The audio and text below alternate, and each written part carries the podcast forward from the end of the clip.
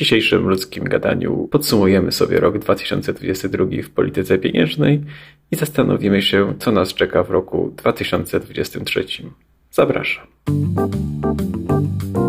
Ludzkie gadanie. Podcast o ekonomii i wolności. Dzień dobry, Mateusz Benedyk, Instytut Misesa. Jest dzisiaj ze mną e, Przemysław Rabka. Witaj Przemku. Witam wszystkich. Cześć Mateusz. Chciałbym z Tobą porozmawiać e, o tym burzliwym roku 2022 e, w polityce pieniężnej, bo mieliśmy do czynienia jednak z dużymi zmianami w tym, jak polityka pieniężna jest prowadzona. No i chciałbym się też z Tobą zastanowić, czy ta polityka prowadzona obecnie już wystarczy do zbicia e, inflacji, z którą wszyscy się borykają i ewentualnie jakie będą inne jej skutki, powiedzmy ogólnie dla aktywności gospodarczej czy, czy innych ważnych zjawisk gospodarczych. E, zacznijmy może od e, Polski, bo koszula ciało najbliższa, a później spróbujemy powiedzieć też co nieco o Stanach Zjednoczonych i o strefie euro. Jak byś ocenił to, co działo się w polityce pieniężnej w Polsce w mijającym roku. Co można na ten temat powiedzieć? E, zacznijmy od tego, że w zeszłym roku Narodowy Bank Polski popełnił trochę błędów w swoich działaniach, popełnił błędy w polityce monetarnej rozpoczął zdecydowanie zbyt późno mm, cykl podwyżek stóp procentowych. Powinien on rozpocząć podnosić stopy procentowe, a tak naprawdę jeszcze w 2019 roku, kiedy zaczęła inflacja przyrastać. No a po pandemii to jeszcze na początku 2021 roku albo i wcześniej, pod koniec roku 2020. To myślę, że to nie jest jakimś kontrowersyjnym stwierdzeniem. No dobrze, ale w końcu zaczął podnosić te stopy procentowe w październiku zeszłego roku. No i można powiedzieć, że przez rok te stopy procentowe były podnoszone. Obecnie Narodowy Bank Polski już trzeci miesiąc z rzędu zdecydował się nie podnosić stóp procentowych. Obecnie one wynoszą 6,75%. Mam tutaj na myśli główną stopę procentową Narodowego Banku Polskiego. No i teraz trzeba się zastanowić nad tym, czy taki poziom stóp procentowych wystarczy, czy może trzeba jeszcze te stopy procentowe E, podnieść. No dobrze, ale wedle, wedle jakich kryteriów możemy ocenić to, czy ta podwyżka stóp procentowych będzie wystarczająca? No to w takim razie musimy się zastanowić, e, jakie czynniki wpływają na inflację. No to tak. Po pierwsze, niektórzy ekonomiści wskażą na pewne czynniki podażowe. Niektórzy uważają, że do teraz gospodarka jeszcze cierpi z powodu e, zastojów w łańcuchach produkcji, chociaż ja osobiście raczej tej opinii nie podzielam. E, inni zwrócą uwagę na to, że mamy problemy z produkcją dóbr i w ogóle z funkcjonowaniem gospodarki z powodu ograniczenia dostępności surowców energetycznych. Tak? Jak wiemy, Rosja ograniczyła dostawy ropy i gazu do Europy. Jest to dosyć oczywiste, w jaki sposób to wpływa na produkcję, prawda? Mniej gazu, mniej energii elektrycznej, i innego rodzaju energii, no to oczywiście obniża produkcję w gospodarkach. Kolejne czynniki, znowu jakie można wymienić, to oczywiście coś, o czym dużo mówiliśmy i pisaliśmy, to jest y, podaż pieniądza, która w Polsce rosła bardzo szybko, oraz dwa takie czynniki jak konsumpcja i oszczędności ludzi. No więc tak, jak, jak można ocenić te różne czynniki? Jak już powiedziałem, y, raczej globalnie problemu z łańcuchami dostaw obecnie nie ma. Jeśli chodzi o dostawy gazu, tak, dostępność gazu i ropy, myślę, że jest to problem, który będzie nam wpływał jeszcze w najbliższych miesiącach na inflację w taki sposób, że będzie ją pchał w górę. No bo, jak już powiedziałem, mniejsza dostępność surowców energetycznych to jest y, mniejsza produkcja. Ale mamy też tutaj czynniki deflacyjne, a konkretnie jeden poważny czynnik deflacyjny, czy też dezinflacyjny, chociaż już chyba można mówić o czynniku deflacyjnym, mianowicie w Polsce obecnie spada podaż pieniądza M1. Tak? Czyli, że spada nam liczba pieniędzy, które ludzie trzymają w portfelach i mają na rachunkach bankowych i którymi mogą i które mogą natychmiast, że tak to ujmę, bezkosztowo wydać. Tak? Spada ilość pieniądza ta, którą ludzie po prostu, na, które ludzie na co dzień wydają na przykład na zakupy. Więc tutaj mamy pewien poważny czynnik e, deflacyjny. Tutaj myślę, Mateusz, że się ze mną zgodzisz. Natomiast to jest jeden czynnik deflacyjny. Można wskazać też y, inny ważny czynnik inflacyjny i jest to, że ta, jest to pewna nierównowaga między oszczędnościami i konsumpcją. Jeśli popatrzymy sobie na dynamikę sprzedaży detalicznej, tak? Sprzedaż detaliczna, czyli wydatki na dobra w sklepach i inne po prostu dobra, które są dostarczane konsumentom, tak? odbiorcom finalnym, no to tutaj dynamika jest bardzo wysoka i w ciągu dwóch lat, to zresztą o tym pisałem w swoim tekście na stronie mises.pl, ta dynamika wyniosła około 40%, natomiast oszczędności wzrosły w dużo mniejszym stopniu, wzrosły o około 10%, jeśli dobrze pamiętam. To było troszkę mniej niż 10%. E, także tutaj widzimy raczej czynnik inflacyjny. Tak? Dużo mocniej wzrosła konsumpcja ludzi niż oszczędności. Dlatego też e, stopy procentowe obecne Narodowego Banku Polskiego, które wynoszą niecałe 7%, moim zdaniem jeszcze mogą być niewystarczające do tego, aby inflacja obniżyła się do poziomu celu inflacyjnego w następnym roku, czyli w 2023 e, roku. Myślę, że to jeszcze będzie niewystarczające i uważam osobiście, że lepiej by było, aby Narodowy Bank Polski dalej jeszcze podnosił te stopy procentowe, aby bardziej ludzi zachęcać do tego, aby więcej oszczędzali, a mniej konsumowali. No okej, okay, ale jednak widzimy, że praktycznie stanęła już akcja kredytowa.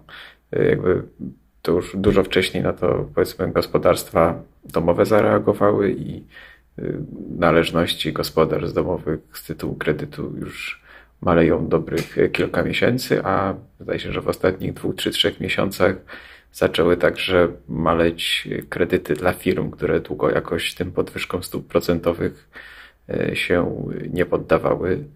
No to czy w związku z tym, jeśli mamy taką sytuację, że akcja kredytowa stoi w miejscu albo nawet się cofa, e, to czy w takim przypadku jakby próba walki z efektami tego, co już się stało, tak, że ta podaż pieniądza wzrosła i ona się musi rozlać po gospodarce i to będzie trwało jeszcze może dwa miesiące, jeszcze może dwanaście. Y, czy jakby, czy to jest warte y, tego, żeby y, niejako, że tak powiem, walczyć z całym pośrednictwem finansowym i z tym, żeby w ogóle akcja kredytowa się utrzymywała na poziomie, który już istnieje. Tak? Nie mówimy tutaj o jakimś dynamicznym rozwoju i, i tworzeniu ekspansji kredytowej bez dodatkowych oszczędności, ale w ogóle o tym, żeby akcja kredytowa jakakolwiek się jeszcze działa. Do pewnego stopnia masz rację, tak? Skoro już y, akcja kredytowa, to tak jak zwróciłeś uwagę, wyhamowała. Podaż pieniądze M1 nam spada. To jest poważny czynnik dezinflacyjny, a wręcz czynnik deflacyjny, ale problem jest też taki, że dalej jednak jakiś zasób pieniądza w gospodarce wciąż jest no i chodzi o to, co się z tym zasobem pieniądza zrobi, tak? Co ludzie zrobią z tymi pieniędzmi, które posiadają. No i chodzi o to, żeby jeszcze wytworzyć dla ludzi dodatkową zachętę do tego, aby więcej oszczędzali, a mniej konsumowali. Tak, głównie, głównie o to chodzi. Ponieważ dalej ta nierównowaga między konsumpcją i oszczędnościami, tak? Konsumpcja rośnie dużo, dużo szybciej niż oszczędności, no moim zdaniem jest takim też istotnym czynnikiem proinflacyjnym. Aczkolwiek jeżeli tylko pozostawimy stopy procentowe na obecnym poziomie, no to faktycznie będzie tak, że ta inflacja sama z siebie zacznie w końcu spadać i w końcu zejdziemy do tego celu inflacyjnego. No tylko kwestia jest tego, kiedy my ten cel inflacyjny, czyli to 2,5% inflacji, e, osiągniemy. No i chodzi o to, żeby ten cel osiągnąć, yy, myślę, jak najszybciej, i dlatego też dobrze by było no, stworzyć tą zachętę, aby ludzie mniej konsumowali, więcej oszczędzali, to wtedy szybciej ta inflacja nam spadnie. Dodatkowo, jeśli ludzie będą e, mniej konsumować, tak, ograniczą swoje e, wydatki, to to też zmniejszy nam popyt na zużycie gazu, surowców energetycznych, w jakimś tam stopniu przynajmniej, a dzięki temu spadek dostępności gazu i ropy będzie mniej proinflacyjny, że tak to ujmę. Tak więc te dalsze podwyżki stóp procentowych myślę, że mogą znowu na kilka sposobów pomóc nam dalej walczyć z tą inflacją. A im szybciej ta inflacja spadnie, no to tym szybciej Narodowy Bank Polski będzie mógł e, obniżyć e, stopy procentowe. To jeszcze może wracając do tych y, cen gazu czy, czy surowców energetycznych, to wydaje się, że tutaj jednak dużo skuteczniejsze byłoby jednak pozwolenie na to, żeby te ceny energii po prostu wzrosły dla gospodarstw domowych wbrew temu, co, co, co robi rząd, to by dużo skuteczniej spowodowało spadek zużycia adekwatny do dostępności tych surowców, bo do tej pory wszelkie zastosowania były tylko w sektorze przedsiębiorstw, który jakby powiedzmy ceny czy elektryczności, czy gazu ma e, bardziej elastyczne niż, niż gospodarstwa domowe i tam widzieliśmy, że, że to zużycie na przykład gazu dość mocno e, spadło, więc tutaj wydaje mi się, że chociaż paradoksalnie w ciągu tam miesiąca czy dwóch takie uwolnienie jednak cen gazu czy prądu mogłoby podnieść wskaźnik CPI, no to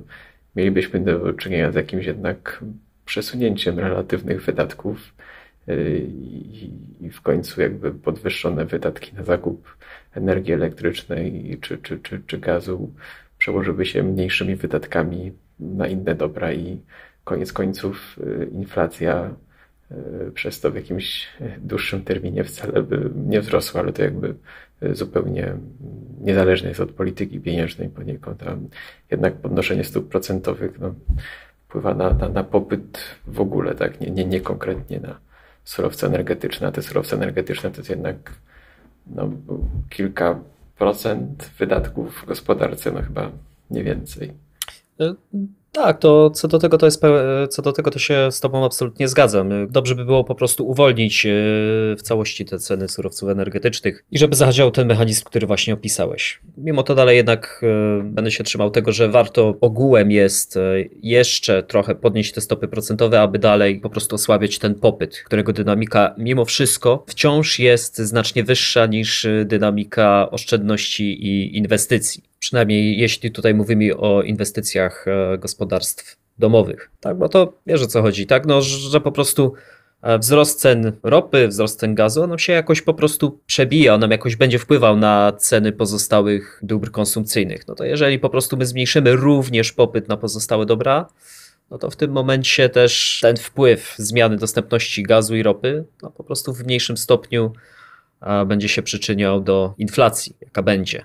Okej, okay, a wspominałeś też o tym, że Polski Bank Centralny na razie prowadzi operacje głównie na stopach procentowych. Tak, tak, taki sposób zacieśnia politykę pieniężną. To czy może w takim razie RPP czy NBP, nie jestem tutaj pewien podziału kompetencji, yy, powinny rozważyć jednak coś w rodzaju jakiegoś zacieśnienia ilościowego. Może yy, to byłoby obecnie lepszym pomysłem, bo na przykład mogłoby z jednej strony zdyscyplinować rząd, żeby finanse publiczne mieć w nieco lepszym stanie, a z drugiej strony zwiększałoby powiedzmy międzynarodową wiarygodność i e, sprawiałoby, że, że powiedzmy złoty mógłby się umocnić względem innych walut i tym samym e, zwiększyć powiedzmy siłę nabywczą polskiej jednostki pieniężnej. Tak, no to przede wszystkim to, co mógłby dodatkowo zrobić NBP, to część ekonomistów już wygłaszało takie opinie, opinie, więc ja to tylko, więc też nie będę się tutaj tym rozwodził. No NBP to co mógłby y, zmniejszać swój, y, swój bilans, czyli to by było przede wszystkim, czyli to zmniejszanie bilansu przede wszystkim sprowadzałoby się do wyprzedaży skupionych wcześniej obligacji skarbowych. Już wcześniej rozpoczęcie skupu obligacji skarbowych i teraz utrzymywanie ich dalej na swoim bilansie, no raczej wpływa negatywnie na wiarygodność Narodowego Banku Polskiego. Inne ważne banki centralne, jak na przykład Europejski Bank Centralny czy Bank Centralny Stanów Zjednoczonych, Rezerwa Federalna, one już zaprzestały skupu różnorakich aktywów, w tym obligacji skarbowych, i Fed niedawno rozpoczął wyprzedaż tych obligacji skarbowych, a EBC ma zamiar rozpocząć wyprzedaż obligacji skarbowych w przyszłym roku. Ze strony Narodowego Banku Polskiego e, nic takiego nie słyszymy, co raczej jest e, negatywnym komunikatem ze strony Narodowego Banku Polskiego, albo można też inaczej powiedzieć, że brak zakomunikowania chęci wyprzedaży tych obligacji jest negatywnym komunikatem ze strony Narodowego Banku Polskiego, tak? Czyli że Narodowy Bank Polski jakby bez mówienia tego wprost, on jakby pokazuje, że on jest gotów e, wspierać budżet, tak, na ile może, to on jest gotów e, wspierać swoją polityką monetarną budżet państwa. Więc no to jest oczywiście zawsze negatywne działanie w oczach inwestorów, bo celem generalnie banku centralnego powinna, powinno być zwalczanie inflacji, dbanie o wartość pieniądza, a ciężko to robić, kiedy Narodowy Bank Polski będzie chciał wspierać budżet e, niskim oprocentowaniem długu.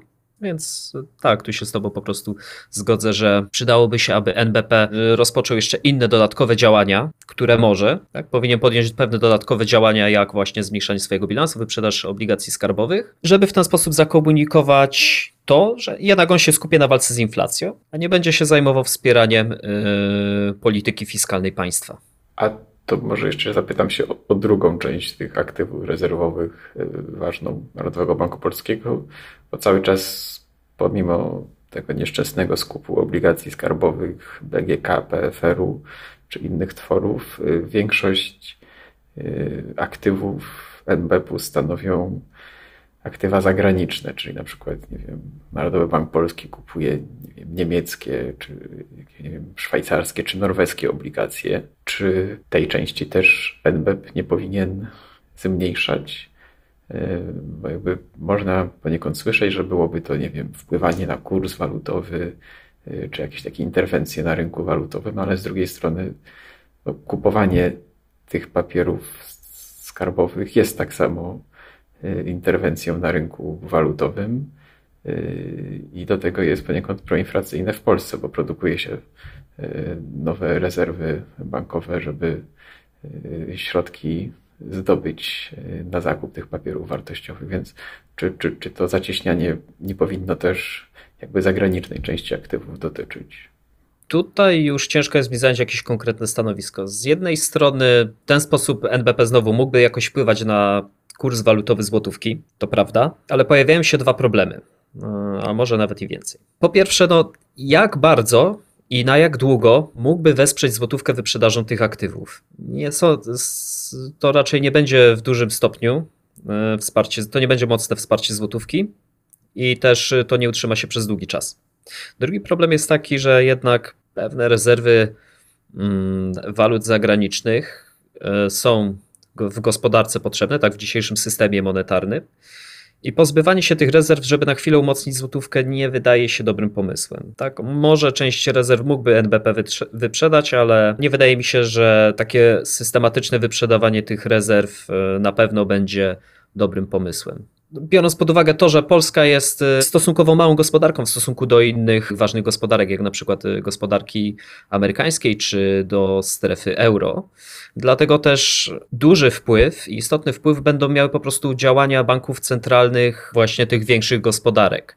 Tak, one będą mocno wpływać na kurs y, walutowy złotówki. I mówię o tym dlatego, bo mm, te banki centralne będą również swoimi stopami procentowymi wpływać jakoś na kurs walutowy złotówki, przy czym to jak oni jak te banki centralne będą podnosić lub obniżać te stopy procentowe, no to to nam od, tak, jeżeli oni na przykład podniosą stopy procentowe i będą je utrzymywać i będą planować utrzymywać te stopy procentowe na podwyższonym poziomie przez dłuższy czas, to to raczej będzie sprawiać, że e, że złotówka będzie się w dłuższym okresie osłabiać względem tych e, właśnie względem tych walut y, większych krajów.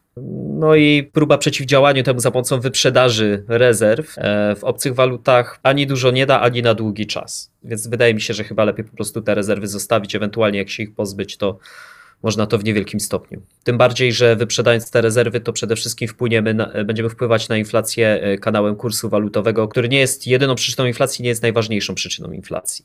No tak, ale można by powiedzieć, że skoro akcja kredytowa już stoi, to kanał kredytowy mamy zatrzymany, to walutowy mógłby być kolejny.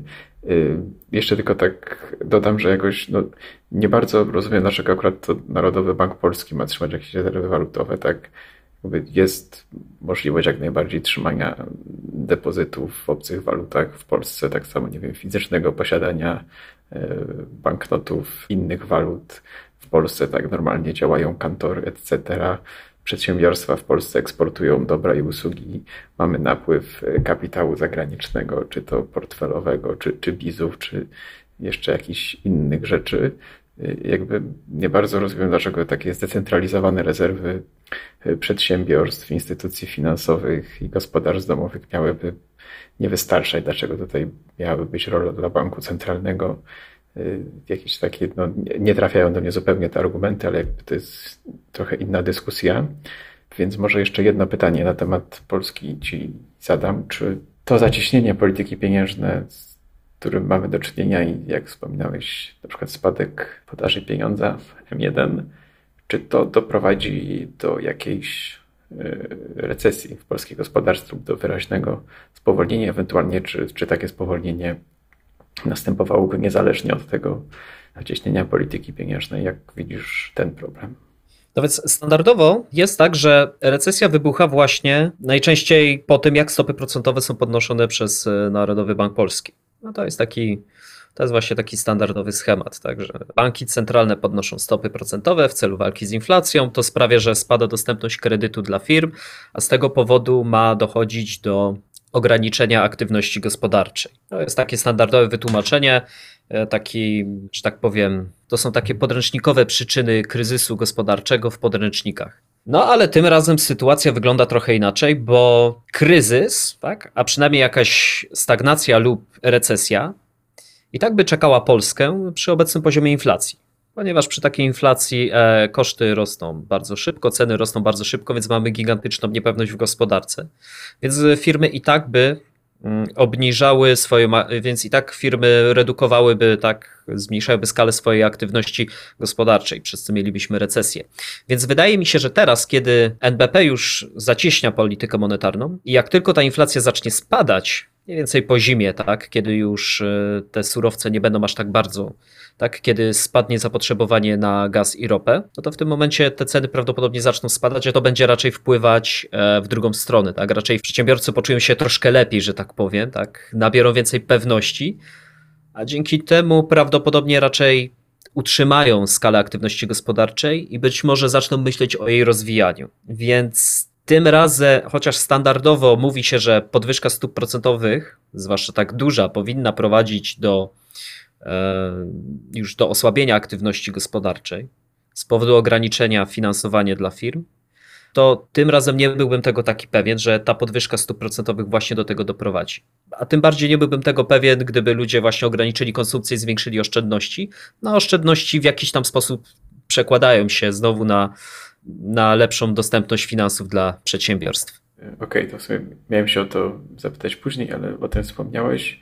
Yy, Czyli uważasz, że tak jak mieliśmy powiedzmy te szoki podażowe mniej lub bardziej silne, najpierw powiedzmy załamanie łańcuchów dostaw, gdzieś powiedzmy 20-21 rok i teraz w 2022 roku problemy z dostępnością surowców energetycznych, to te szoki podażowe będą się w 2023 roku poniekąd odwracać, co sprawi, że pomimo tego, że jakby że z sytuacji pieniężnej powinna nam wynikać recesja, to pozytywne szoki podażowe sprawią, że takiego wyraźnego spowolnienia może nie być, tak? No, no tak, można to tak podsumować. Okej. Okay. Gdyby byli Państwo ciekawi tego, y, jak Ludwik von Mises analizował problematykę cykli koniunkturalnych czy inflacji, to wiele takich epizodów opowiedzianych jest y, w biografii Ludwiga von Misesa, którą napisał Jörg Guido Hulsmann i obecnie e, mamy już całość tej biografii wydanej po polsku i w sklepie Instytutu Misesa można zakupić e, w promocyjnej cenie zestaw obu tomów e, biografii. Bardzo zachęcam do lektury tego dzieła. Nie tylko dlatego, że przedstawia ono sylwetkę Misesa i jego życie osobiste, ale przede wszystkim dlatego, że świetnie prezentuje jego dorobek intelektualny. Wracam do rozmowy z Przemysławem Rabką na temat polityki pieniężnej w roku 2022 i tego, co nas czeka w roku 2023. Opowiadaliśmy sobie trochę o Polsce, więc wspomnijmy sobie może, co działo się w Stanach Zjednoczonych i w strefie euro, no, ponieważ tutaj w różnym tempie także te banki zerwały z polityką zerowych czy nawet ujemnych stóp e, procentowych. Jak oceniasz ruchy tych banków centralnych? To może zacznę od e, rezerwy federalnej w Stanach Zjednoczonych. No to rezerwa federalna w Stanach Zjednoczonych, ona również e, zaczęła cykl agresywnych podwyżek stóp procentowych. Obecnie stopy procentowe w Ameryce są na poziomie 4,5%. Mam tutaj na myśli oczywiście główną stopę procentową rezerwy federalnej. Oczywiście rynki spodziewają się dalszych podwyżek stóp procentowych. No, generalnie w swoich wystąpieniach Powell był bardzo jastrzębi. Tak. Komunikował, że no, historyczne doświadczenia pokazują nam, że kiedy mamy wysoką inflację, to w zasadzie gospodarka nie jest w stanie funkcjonować, tak? Gospodarka nie jest w stanie być zdrowa. Dlatego bardzo ważne jest to, aby zwalczać właśnie inflację i to właśnie Fed będzie robił. No i to było powtarzane w kolejnych wystąpieniach. Co więcej, w kolejnych wystąpieniach też Powell właśnie podkreślał to, że generalnie gospodarka się rozwija, bezrobocie jest w Ameryce niskie, więc też tym bardziej Fed nie musi się przejmować kondycją gospodarki, nie musi się przejmować właśnie e, rynkiem pracy, ponieważ e, póki co to jest w dobrej kondycji, więc może się skupić na e, walce z inflacją. No i to właśnie robił. Sukcesywnie podnosił stopy procentowe coraz bardziej. I nawet według ostatniego komunikatu Fed prawdopodobnie dalej będzie podnosił stopy procentowe, ponieważ stwierdzili, że Dalej inflacja jest podwyższona, ale wciąż gospodarka Stanów Zjednoczonych rozwija się w umiarkowanym tempie, a bezrobocie jest niskie. A że nie chcą dopuścić do tego, aby oczekiwania inflacyjne utrwaliły się na podwyższonym poziomie, e, chcą dalej walczyć z inflacją, to prawdopodobnie jeszcze będą podnosić stopy procentowe. Dodatkowo e, Fed jeszcze przede wszystkim, po pierwsze, przestał skupować e, dług amerykański, tak, czyli przestał skupować obligacje amerykańskie, przestał skupować MBS-y i inne instrumenty finansowe. Po czym niedawno rozpoczął proces wyprzedaży tego długu, ale póki co mm, bardzo powoli i w niewielkim stopniu wyprzedaje ten dług. Czyli, że Fed on zacieśnia politykę monetarną na dwa sposoby. Jeden właśnie podwyżka stóp procentowych, drugi to jest e, zmniejszanie swojego bilansu. Ok. No i jakie są tego skutki? No to przede wszystkim w Stanach Zjednoczonych inflacja spadła. Tak. E, była, e, inflacja w Stanach Zjednoczonych wynosiła w szczytowym momencie póki co ponad 9%. Obecnie wynosi ona 7%. Tak, czyli, że tutaj mamy niezły spadek i na razie nie zapowiada się, żeby inflacja miała wrócić do wzrostów. Zresztą w Stanach Zjednoczonych, podobnie jak w Polsce, podaż pieniądza również zaczęła spadać. Warto w ogóle zwrócić uwagę na to, że spadek podaży pieniądza jest czymś rzadkim, a zwłaszcza tak znaczący spadek podaży pieniądza, jaki ma miejsce w Polsce czy w Stanach Zjednoczonych. Ok, ale prawdopodobnie Fed będzie w coraz mniejszym stopniu podnosić te stopy procentowe. Wielu komentatorów spodziewa się, że niedługo Fed zakończy cykl podwyżek stóp procentowych. A to wynika z tego, że podobnie jak prezes Glapiński stwierdził, że obecnie NBP przygląda się efektom wcześniejszych podwyżek stóp procentowych i będzie na podstawie zmian w gospodarce decydować dalej, czy znowu podnosić stopy procentowe, czy je utrzymywać na obecnym poziomie.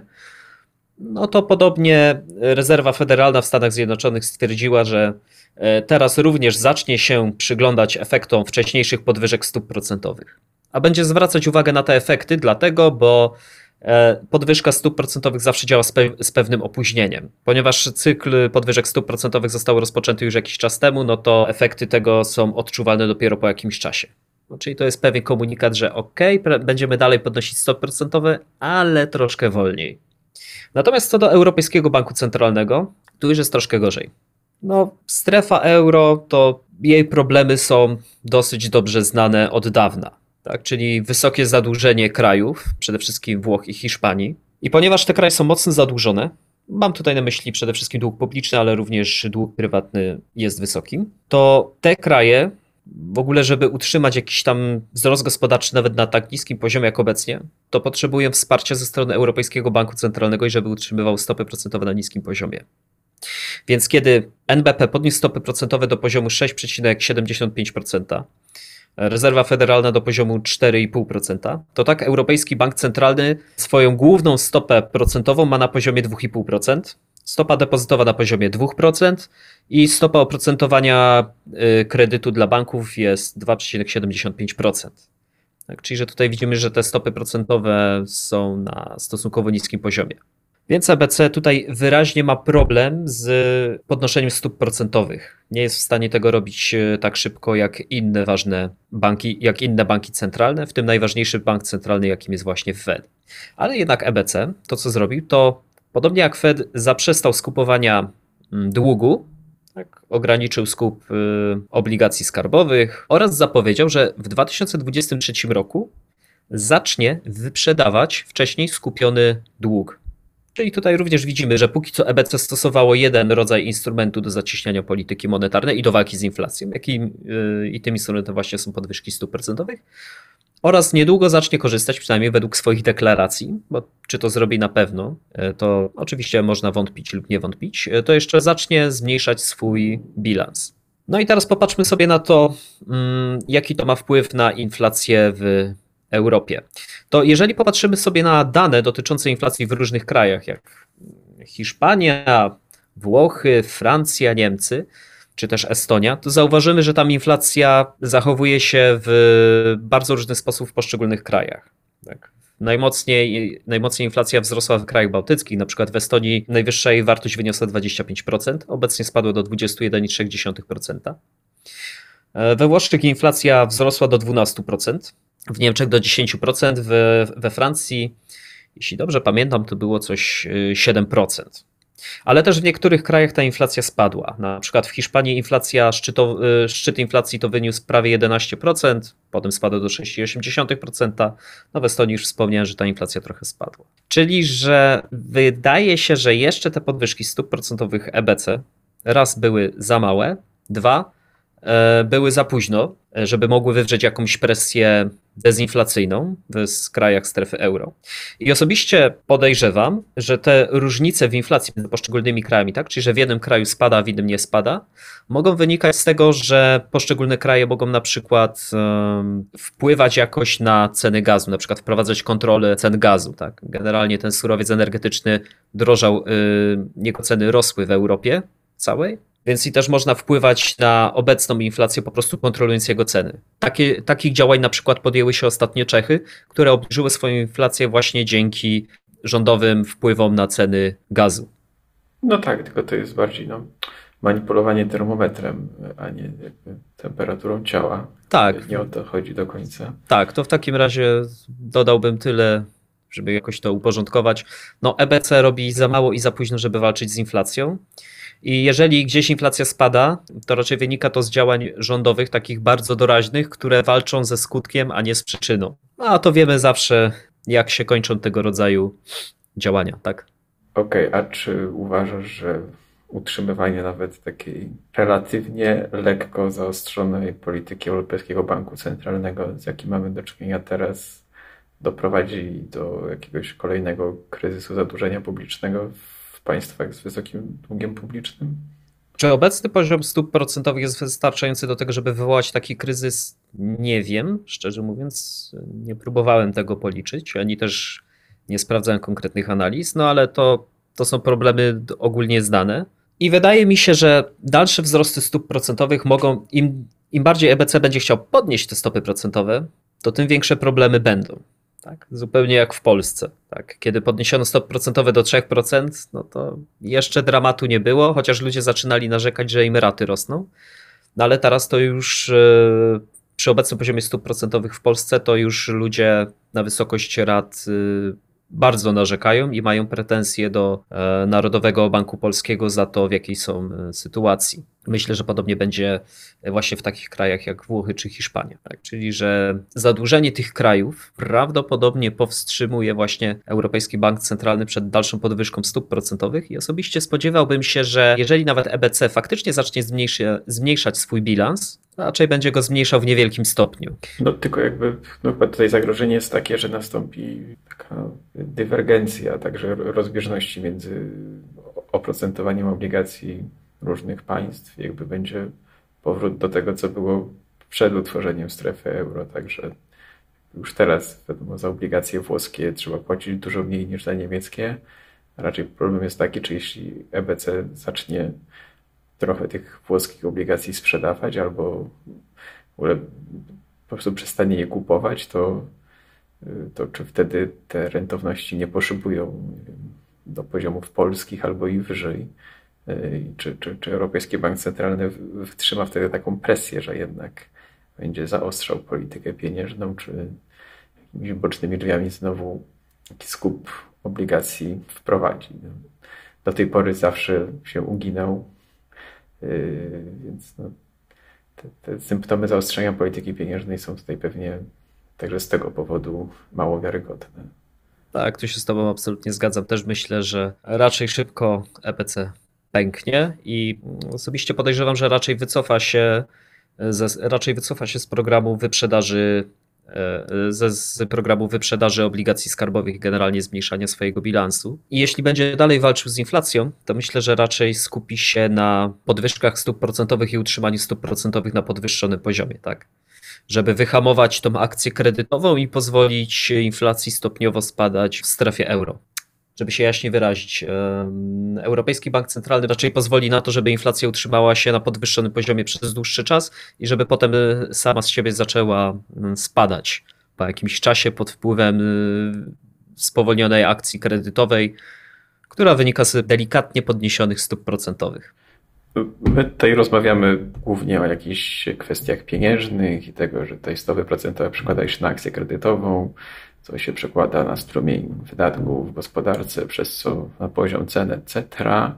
Natomiast część publicystów czy ekonomistów jednak długo twardo uważała, być może dalej uważa, że jednak obecna inflacja to był problem jednak głównie podażowy, czy to właśnie problem zerwania łańcuchów dostaw, czy problem z dostępem do surowców energetycznych. A jak już wspominaliśmy, wydaje się, że te problemy mijają. Ceny, nie wiem, transportu y, kontenerowcami y, są już mniej więcej chyba takie jak y, przed pandemią. Ceny ropy wyraźnie zmalały. Ceny gazu, chociaż wyższe niż kilka lat temu, to jednak spadły już chyba czterokrotnie od, od swojego szczytu sprzed kilku miesięcy. Ceny węgla także już chyba o jedną trzecią spadły. To czy w takim razie powinniśmy się spodziewać cofnięcia tych wszystkich podwyżek cen, skoro te problemy podażowe je spowodowały, a one teraz się cofają, że tak się zapytam przewrotnie. No właśnie, to jest To, jest dobre pytanie. No tak, generalnie e, te podwyżki cen spowodowane jakimiś szokami podażowymi, to one mają tendencję do tego, że one szybko się wręcz cofają, tak? Czyli, że jak spadła dostępność ropy czy gazu, no to okej, okay, zmniejsza nam się produkcja, rosną ceny, no ale potem jest efekt odwrotny. No kiedy znowu poziom produkcji ropy czy gazu wraca do normalnego poziomu i ceny tego spadają, no to w takim razie też odpowiednio szybko Y, spadały nam ceny dóbr, no ale widzimy, że to się nie dzieje, więc w takim razie tutaj mamy jakąś anomalię, tak? I widać, że ta inflacja nie jest spowodowana konkretnie właśnie tymi czynnikami podażowymi. No bo tak jak zwróciłeś uwagę, skoro ceny różnych y, surowców czy usług y, związanych, czy też ceny kontenerów spadły nam, no to powinny nam spadać koszty dóbr. A jednak dynamika dóbr finalnych utrzymuje się na wysokim dodatnym poziomie. No to coś z tą argumentacją jest nie tak. Ewentualnie tutaj jeszcze w ich obronie można powiedzieć, że te ceny dopiero spadną, tak? bo zgodnie z prawem kosztów bombawerka, tak? E, koszty reprodukcji są wyznaczane przez krańcowe zastosowanie czynników produkcji. Więc to, co się dzieje, no to w takim razie przedsiębiorcy spodziewają się trochę mniejszego popytu na swoje dobra, no to w takim razie zmniejszają ceny oferowane za, e, za czynniki produkcji, jakie są gotów zapłacić. No dobra, ale to dalej będzie pewien czynnik popytowy, więc jeżeli w przyszłości nam spadną ceny dóbr konsumpcyjnych po tym, jak już spadły nam ceny czynników produkcji, to to nie będzie wynikać z tego, że właśnie rozładowały się pewne napięcia w łańcuchach dostaw, czy zakończyły się pewne problemy podażowe.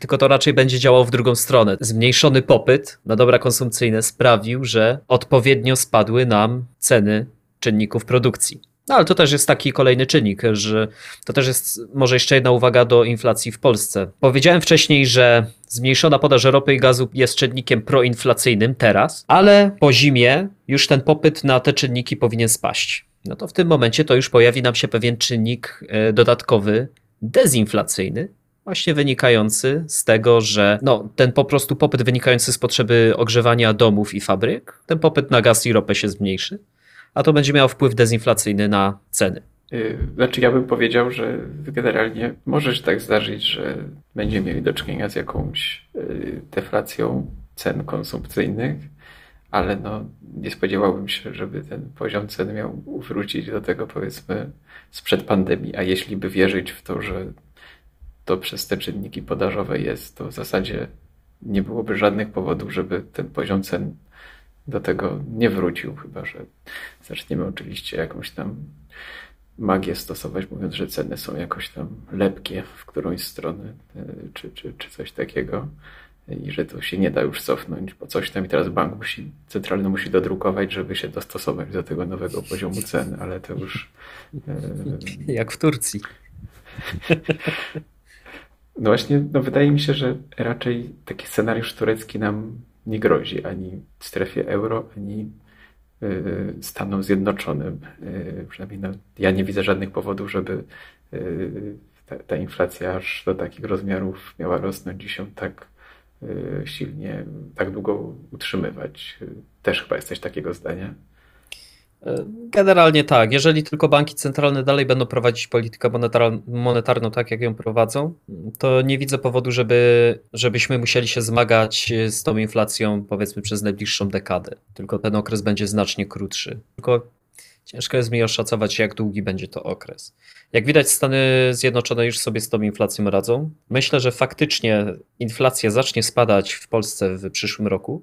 Tylko nie sądzę po prostu, że ta inflacja spadnie nam do poziomu celu inflacyjnego w przyszłym roku przy obecnym poziomie stóp procentowych. No, ale generalnie już myślę, że takie najbliższe, też tak powiedzmy, że te 2-3 lata mogą wystarczyć do tego, żeby już y, poradzić sobie z tym problemem inflacji.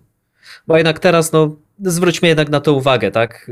Stan wiedzy obecnie jest inny od stanu wiedzy w latach, 70, w latach 60. i 70. Tak? Teraz my lepiej rozumiemy to, skąd się bierze inflacja lata 70. są bardzo dobrze zbadane. Bankierzy centralni, no, można się z nimi zgadzać, można się z nimi nie, zgadzie, nie zgadzać, ale to są, zwykle, to są zwykle ludzie raczej inteligentni, znający się na ekonomii.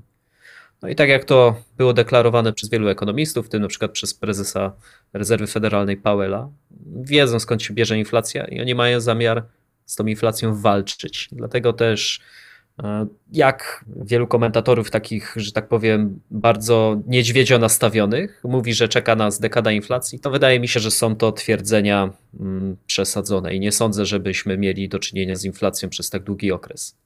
Za to ciekaw jestem, Mateusz, to według Ciebie, kiedy mogłaby ta deflacja wystąpić? Bo wiem, że jesteś, wiem, że twierdzisz, że może być deflacja, tylko że też no, myślę, że jakby dać odpowiednio dużo czasu, no to nawet przy obecnym poziomie stóp procentowych jakaś deflacja wystąpi, jeżeli tylko dać odpowiednio dużą ilość czasu.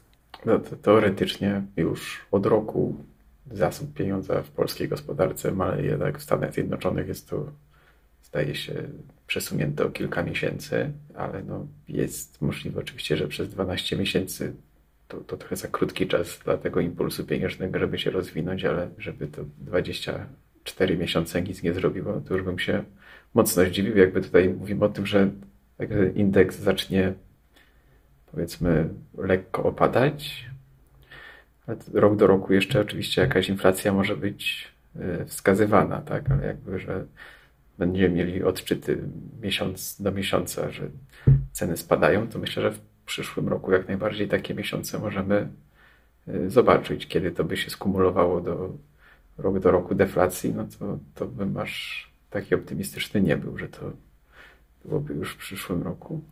Okej. Okay. No to chyba dobrze tak, bo skoro żaden z nas nie uważa, że jakoś inflacja będzie w przyszłym roku przyspieszać, to z samymi dobrymi wiadomościami no, naszych słuchaczy witamy. Prawda? Pewnie lepiej by się, znaczy więcej osób by odsłuchało, gdybyśmy jakoś bardziej straszyli, ale yy, miejmy nadzieję, że, yy, że, że, mamy rację yy, tym razem. Czy jeszcze chciałbyś coś dodać? Znaczy, no, jeden to tak trochę się uśmiechnąłem z tym, że na pewno nie wzrośnie, no bo tak jak mówię, no, politycy są, jacy są, i oni bardzo chętnie robią bardzo głupie rzeczy, więc. E, a że ostatnio niestety polscy politycy są wyjątkowo chętni do robienia głupich rzeczy, no to żebyśmy się nie zdziwili.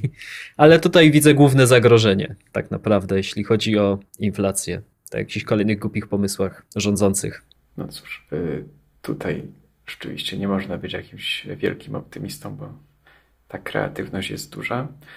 Ale dziękuję Ci za dzisiejszą rozmowę. Dziękuję Państwu za uwagę i zapraszam na kolejne odcinki ludzkiego gadania.